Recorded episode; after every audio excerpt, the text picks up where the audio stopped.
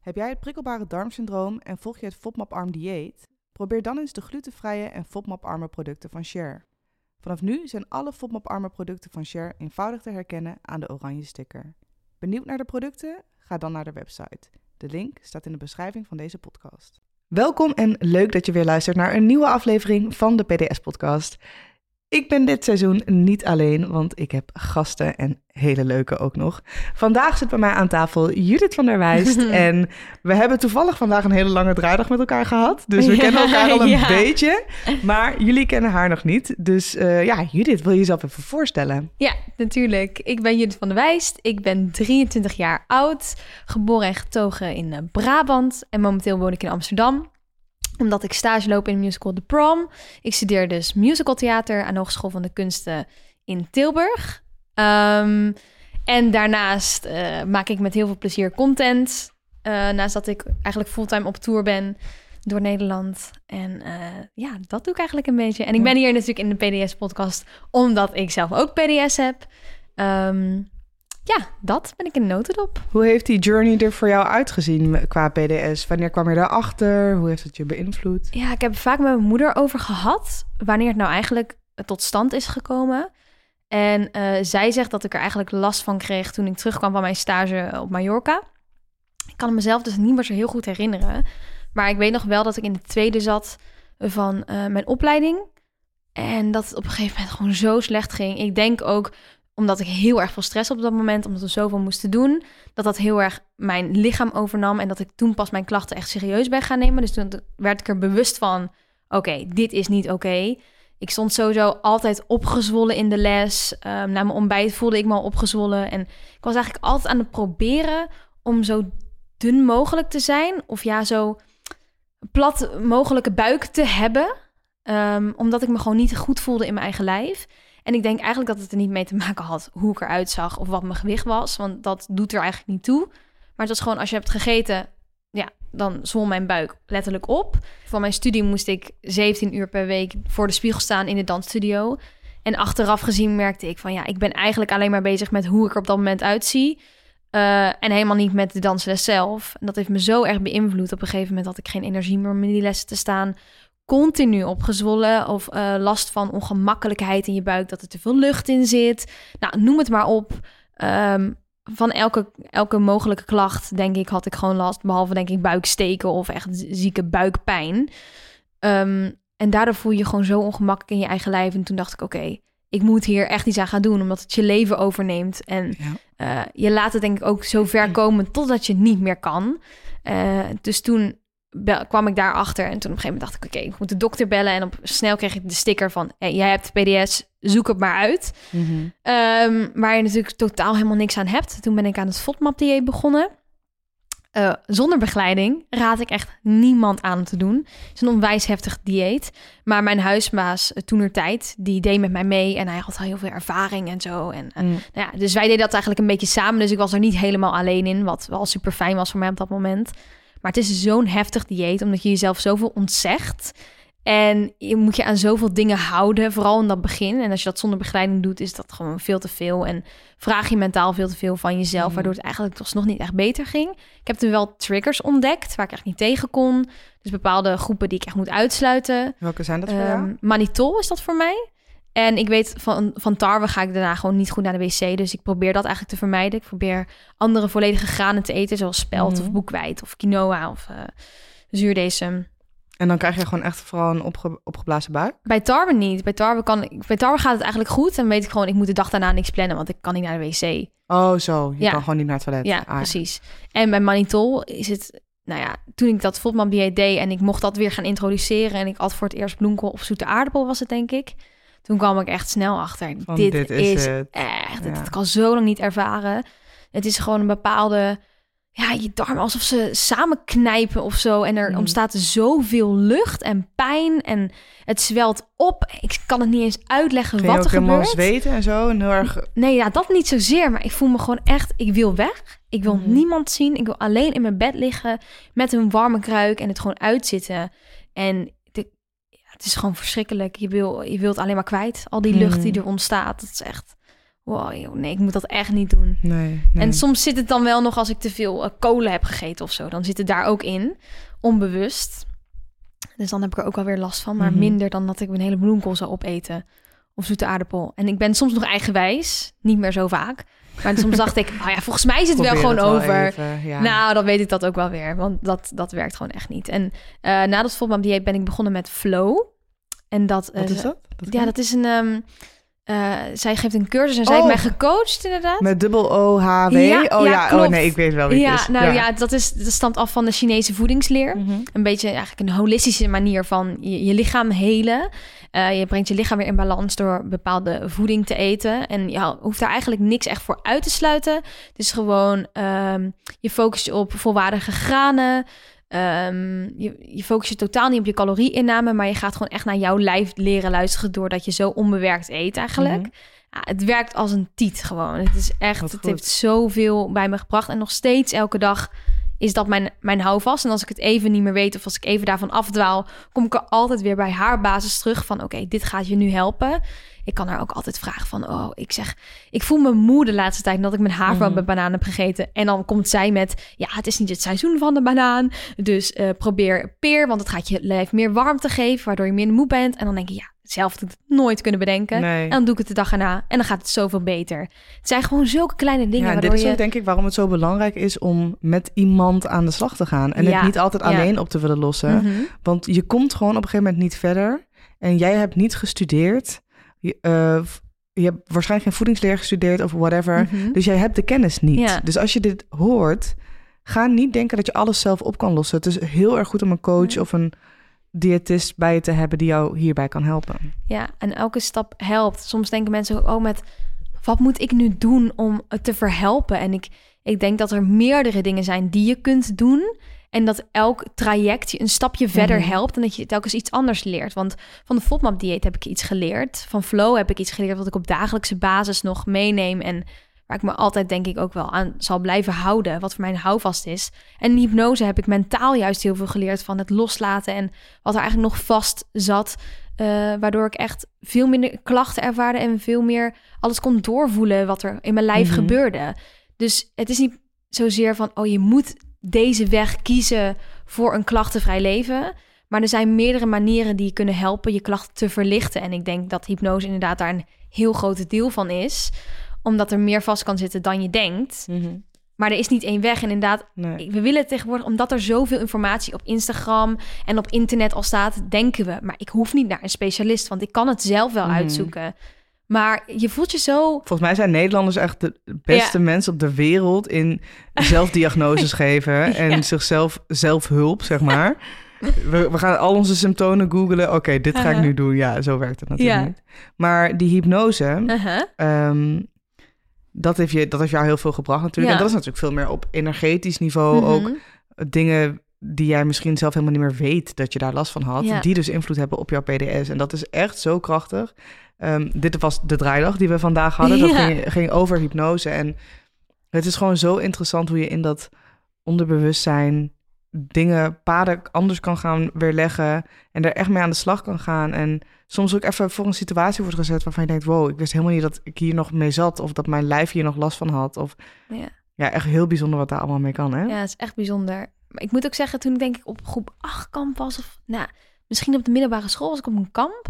En toen kwam er ook een hypnotiseur en die ging dan iedereen hypnotiseren. Net zoals je in films zag van, Mhm. oh, je gaat een beetje slapen. Ja, Ja. precies. Dus ik denk dat dat ook de associatie is die, mensen met hypnose hebben. Want dat is wat je geleerd krijgt in films en zo. Maar het is eigenlijk echt een vorm van therapie. En dat beseffen heel veel mensen zich denk ik niet. Het is geen Nee. grote show waar je Nee. gewoon...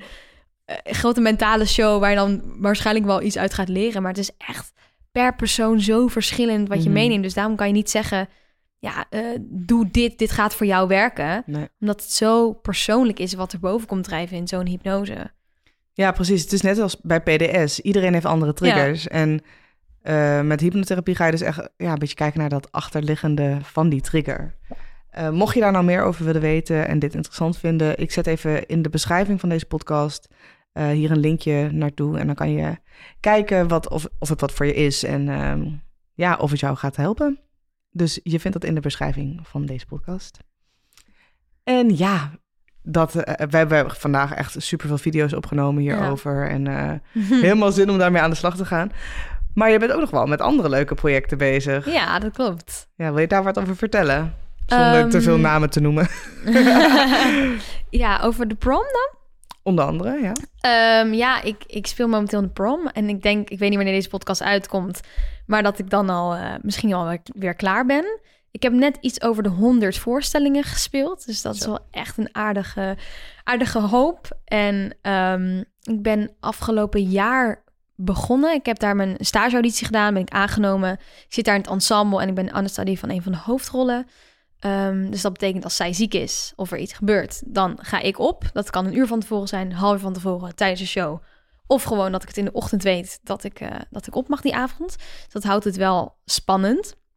Als je op mag, inderdaad. Want ik mocht heel lang eh, ook niet op. Dat kan er ook bij horen. Ehm, en Maar dan ja, is het ook niet zo dat je dan een andere rol speelt of zo. Nee, ja, ik zit dus altijd in het, sta altijd in het ensemble. Mhm. Dus ik ben altijd mijn vaste eigen track. Mhm. Dus die speel ik gewoon iedere avond. Eh, meestal zes dagen in de week als er niks wordt gecanceld.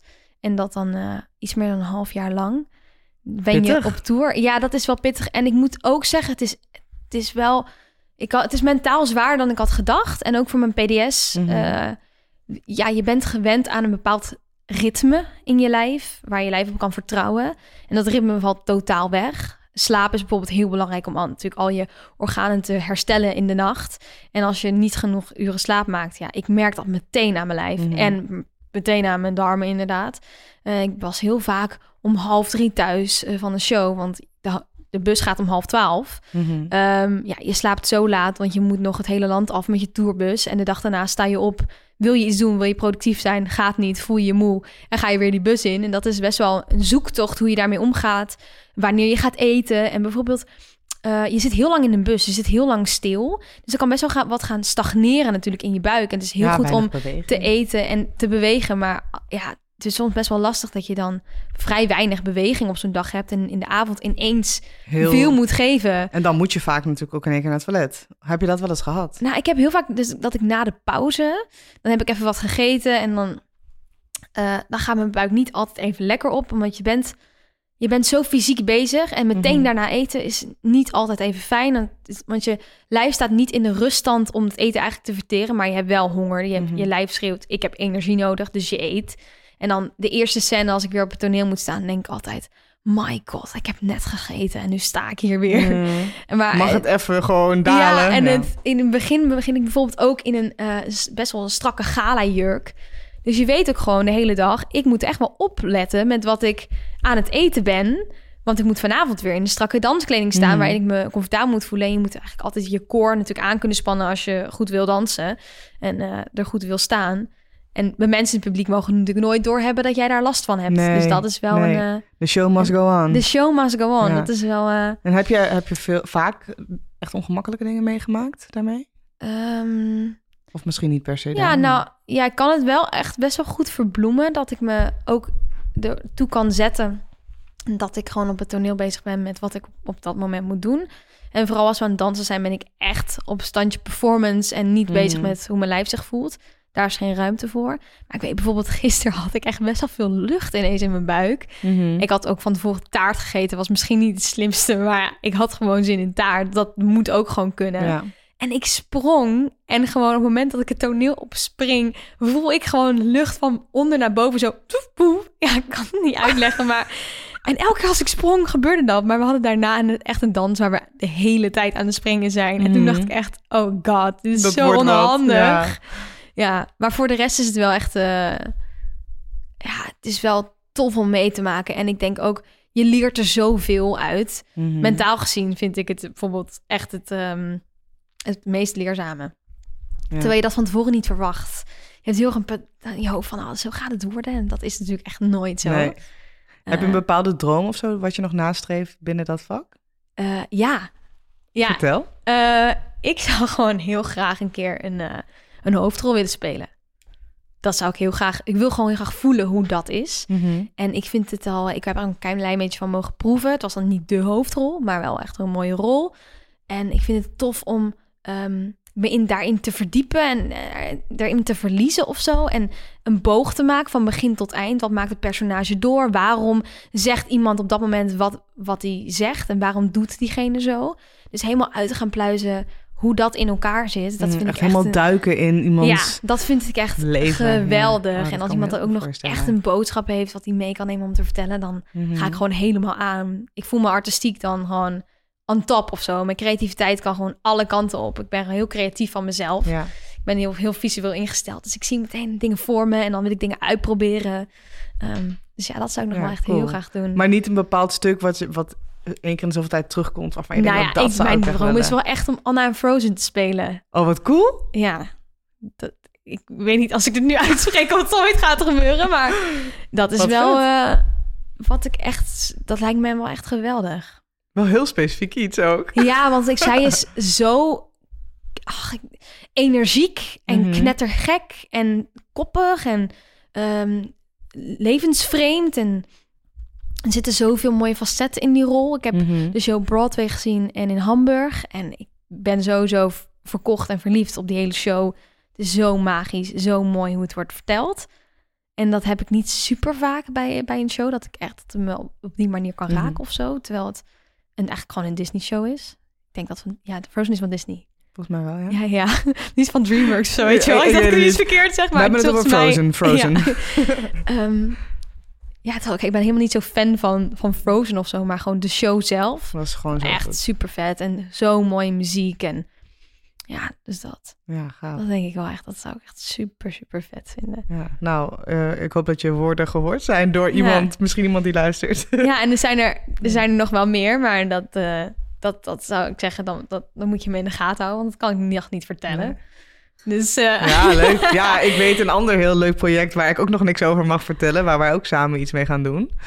Ehm, dat, dat bedoelde je? Of bedoelde je dat nee, nee, niet? nee. Ik bedoel eigenlijk in, in de musical. Dat ik dat dan niet kan zeggen. Dat het eigenlijk ook wel echt een droom is voor mij. Ja. En die gaat dan wel uitkomen. Oh, dat kan ik je zeggen. Maar Nou. ik kan nog niet zeggen wat. Waar kunnen mensen je vinden? Ehm, op Instagram. Judith van der Wijst. Wijst. Judith van der Wijst. Wijst. En eh, eigenlijk heb ik geen idee eigenlijk hoe het TikTok heet. Ik denk eh, Judith Simone van der Wijst of zo. Zoiets, ja, volgens mij gewoon Judith van der Wijst. Oh ja. Nou ja, Judith van der- van der Wijst inderdaad. Zo Nou, kun, kun je me gewoon mij vinden. vind je hem dan wel, ja, zeker. Ja, zeker. En verder ben je nog maar allemaal ehm, content aan het creëren voor van alles. Je werkt ook nog voor No Nonsense. Ja, ik denk dat, klopt. dat best wel veel mensen dat misschien wel zullen kennen. Ja, ja, het is een online fitness community. En eh, we zijn tweeënhalf jaar geleden denk ik daarmee gestart. Dido Joosten, die is de oprichter daarvan, de founder. En ehm, ik ben zo in contact met haar gekomen voor eigenlijk mijn stage die ik bij haar wilde lopen. Ik vond haar toen de tijd nog steeds eigenlijk elke dag, maar eh, heel inspirerend. En het sloot heel erg aan bij hoe ik mij voelde. Dat zij zo eerlijk daarover was. Dat het geluid, dat kende ik nog niet. Ehm, dat heeft mij getriggerd om haar een berichtje te sturen. En uiteindelijk zijn we gaan samenwerken. Klikt het mega goed en ben ik haar rechterhand geworden. Uiteindelijk werd ik eh, content creator van No Nonsense en beheerde ik eigenlijk de socials. Nu is dat zo erg uitgegroeid, dat bedrijf, dat er meerdere mensen op staan. En ik moest even een stap terugnemen. Dus ik heb niet meer die verantwoordelijkheid die ik vroeger had. Maar ik ben nog wel betrokken bij het bedrijf. En ik maak nog steeds Mhm. met heel veel liefde daar content voor. Eh, alleen soms moet je eventjes alles onder de loep nemen en denken... oké, waar, waar vind ik mijn eigen rust? Ja, dus speel je dat we- hier ook een rol in? eh, ja, zeker. Want ik deed dus eerst echt super veel een krachttraining. Oh, en I loved it. Ik vond het heerlijk. Ik voelde me zo goed in mijn lijf, omdat het... Ja, het, het hielp me gewoon heel erg. En op een gegeven moment, ook toen ik twee keer corona na elkaar had gehad... was het eigenlijk gewoon klaar voor mij. En toen merkte ik, mijn lijf heeft deze energie gewoon niet meer om dit te doen. En ehm, moet het aan andere dingen geven. Dus Mm. mijn, mijn lijf vroeg echt meer rust. En vooral dan die buik inderdaad, weet je wel. Ja. En dat Ja, heb ik het dan ook meer wel focus gegeven. of zo, even Ja. op één ding in plaats van allemaal dingen tegelijk. Ja, en ik merk van, weet je wel, omdat ik, ik ben fysiek best wel hard aan het werk in die show al s'avonds. Dat dat zoveel voldoening al geeft om daar in mijn fysiek te duiken. Dat het te veel is dat ik dat daarnaast ook Ja, nog ga zoeken. Dus ik denk als dat wegvalt, dat ik dan wel weer ehm, andere dingen kan oppakken om meer in mijn lijf te gaan komen. Maar ik weet niet Mhm. of ik dat ooit nog zo zou doen zoals ik dat vroeger zo vijf keer in de week kon. Snap ik. Ja. En jij deelt on- eh, online ook best wel veel over PDS. Je Mhm. maakt altijd je dagboekjes en eh, altijd leuke video's die voorbij komen waar je Ja. daar heel open over bent. Vind je dat nog wel eens lastig om daar over, open over te zijn op het internet? Ik vond het altijd wel spannend als ik een video online ging gooien waar ik heel open was. En voor mij, elke keer als ik open ben, is het een soort van drempel van... oké, ik ben weer open, ik deel weer iets, Mhm. iets nieuws. Een stukje van Vond- mezelf. Ja, vond ik altijd wel weer spannend om het online te gooien. En juist omdat ik die weerstand voelde van... wat ik een klein beetje spannend vond, dacht ik... ja, maar dit is dus waarom mensen het zouden moeten zien. Want ik denk juist als we er open over zijn... dat we het taboe Mhm. kunnen doorbreken. Dat we er wel over mogen praten, dat het er wel mag zijn. Ehm, en dan heb ik het er, erop staan en dan ben ik eigenlijk gewoon best wel trots... dat ik denk, ja, dat mag ook de wereld in. En mensen Mhm. mogen hierover weten. En als mensen dan ook nog een berichtje sturen... dat ze daarin herkenning vinden... dan ben ik gewoon voldaan. Al is het maar Ja. één iemand... Ja, dan weet je dat je één iemand hebt geholpen. Ja, en dat is al, dat vind ik zo mooi. En ik Mhm. wil gewoon heel graag heel eerlijk zijn. En ehm, dat probeer ik dus ook altijd te doen Ja. in, in mijn video's. Ja, vind ik ook echt heel mooi aan jouw content. Ook als het even niet goed gaat, dan gooi je het er wel gewoon op. Ja, Ja, ik vind het echt mooi om te zien. ja het is Denk- soms lastig om, oh, zeg maar. Nee, nou, ik denk dat heel veel mensen daar wel van kunnen leren, omdat zeg maar Instagram en TikTok. Je mag natuurlijk altijd zelf weten wat je erop zet, hè? Mhm. maar het is wel voor heel veel mensen iets geworden waarbij we altijd de mooiste kant van onszelf laten zien. En door alles zo af te kaderen, krijg je gewoon niet een geheel beeld van waar iemand doorheen gaat. Ik bedoel, ik deel ook niet alles. Ik deel wel heel veel, ook in mijn podcast. Maar ehm, natuurlijk heb je soms bepaalde dingen waarvan ik denk, oh, dit hoef ik even niet te delen van mezelf. Of dit is alleen voor mij. Mhm. Maar ja, ik denk niet dat mensen beseffen hoe hard ik soms werk voor de dingen die ik doe. En dan Ja. hoor ik, oh, ik zou zo graag willen dat ik jouw leven had. Alles komt jou maar aangewaaid. En dan denk ik, aangewaaid? Ik ben gewoon heel erg hard aan het werk voor de dingen die ik doe. Ja. Met passie. Ik vind mijn TikTok superleuk. Ik vind de podcast superleuk. Mijn andere podcast leuk. Die andere bedrijven waar ik nog voor werk ook Ja. superleuk. En dan vind ik dat soms, ik vind het soms wel lastig als mensen dan zeggen, het komt je maar aangewaaid. Maar dan weet ik dat ik daar zelf ook onderdeel van ben. Want ik deel niet mijn gehele werkproces iedere keer op het internet. ja, En jij deelt misschien ook niet alles, maar ik zie bij jou wel veel emotie en veel passie voor het leven. En ook als, Mhm. het, als er pijn is, dan mag het ook online. En dat vind ik zo onwijs inspirerend daaraan. nou, Ja, echt vind ik super leuk om te ja. horen. Ja, dat probeer ik ook echt te doen. En juist die balans te vinden van, oké, het gaat nu niet. Maar ik heb wel het gevoel van, ik wil eigenlijk iets leuks delen. En denk ik, nee, maar ik kan ook delen dat het nu even niet gaat. En dan Mhm. weet ik, oké, ik moet nu gewoon extra lief zijn voor mezelf. En dat ga ik dan doen. En Ja, ik probeer daarin gewoon heel transparant te zijn. En soms is het lastig, want mensen... Je kan nooit alles delen. Dat is ook geen, eh, geen levensstijl om alles online te gooien. Dat, dat gaat je niet lukken. Maar ik vind het wel mooi om zo eerlijk mogelijk beeld inderdaad te laten zien. En ik merk dat veel mensen daar ook wel behoefte aan hebben. En ik zelf ook. Dat kijk ik het liefst. En ik denk dat ik het daarom ook zo graag gewoon maak. En ik probeer altijd wel het ook weer om te draaien. Van oké, dit gaat niet goed. Maar wat kan ik hier dan uithalen of zo? ja en wat, soms... wat, wat gaat er wel goed? Ja, wat gaat er wel moment, goed? En ja. soms is het ook gewoon oké als het niet goed gaat en dat, dat er geen reden aan zit. Mhm. Dat je gewoon even bent op dat moment. En dat je het gewoon er laat zijn. In plaats van meteen de les erachter te zoeken. Of meteen te denken van, maar waarom gebeurt dit nu? Mhm. Ja. Wat, zou je, wat voor tips zou jij willen geven aan mensen die luisteren? Ehm, PDS gericht. ja, probeer gewoon dingen uit. En durf daarmee op je bek te gaan. En niet per se het meteen perfect te doen.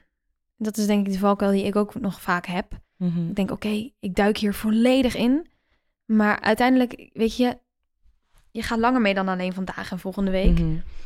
Ehm, geef jezelf gewoon de tijd en ruimte om nieuwe dingen uit te proberen en om iets te laten mislukken. Mhm. Want je leert er elke keer weer, weer meer van. Ja. En, En die probeer duurzame inderdaad- oplossing die komt vanzelf. Ja, en pad. probeer het gewoon uit. Je, je- als je van voorhand al denkt, het gaat niet werken. Ja, Dan dan, stel je jezelf ook niet open om, om te kunnen helen uiteindelijk. En om te kunnen helen heb je gewoon jezelf nodig en tijd nodig. En, en die moet je daarin investeren. En ik denk de mooiste investeringen die ik heb gemaakt in mezelf... zijn mijn solo-reizen en het geld aan cursussen, therapieën... Mhm. En niet kleding. En niet uit eten gaan. En Natuurlijk zijn dat mooie herinneringen. Of voel je je goed in bepaalde kleding. Maar het is echt waard om te investeren in je mentale gezondheid en fysieke gezondheid. Want dat maakt hoe gelukkig je uiteindelijk bent, denk ik. Dus ik zou Mhm. niet bang zijn om daar... Het is een lange tip, maar ik zou niet bang zijn om daarin gewoon lekker Nee. in, te, ja, in te zoeken en in, in te investeren. Ik denk dat wij allebei ook wel echt heel veel dingen hebben geprobeerd. Ja, Ehm, en daardoor lijkt het misschien soms alsof wij Mhm. alles snappen en weten. Maar dat, wij zijn ook al honderd keer op ons bek gegaan. En hebben het ook allemaal maar ondervonden door gewoon te doen. En ja, laat je gewoon niet tegenhouden door alleen de stempel en denk niet dat je daarmee hoeft te leven, want het is gewoon echt niet wat het is. Ja. Er, er, is- er is een oplossing, maar je moet vinden welke het beste bij jou past. En dit, dat is gewoon voor iedereen anders, denk ik. Ja, en blijf dan gewoon openstaan en eerlijk zijn naar jezelf. Van hé, wat vind ik er eigenlijk van en hoe voel ik me hierbij? Mhm. Ja, en soms ook gewoon eventjes ehm, heel erg lief zijn voor jezelf, denk ik.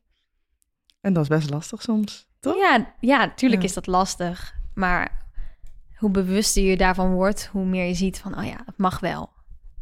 Ja. Ik denk dat iedereen het lastig vindt om echt heel lief voor zichzelf te zijn. Want we denken al snel, oh, maar dit was toch al heel lief? En meestal moet je dan Mhm. nog een schepje erbovenop doen, zodat je eigenlijk echt lief kan voor jezelf nog bent. liever. Ja. ja, ja.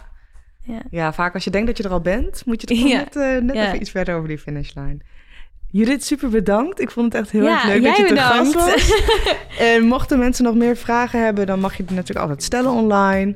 Je kan Judith een berichtje sturen op een van haar socials. Die zal ik ook onder deze ehm, podcast zetten in de beschrijving. Ehm, en als jij mij een vraag hebt, mag dat natuurlijk ook altijd. Dankjewel voor het luisteren en tot de volgende.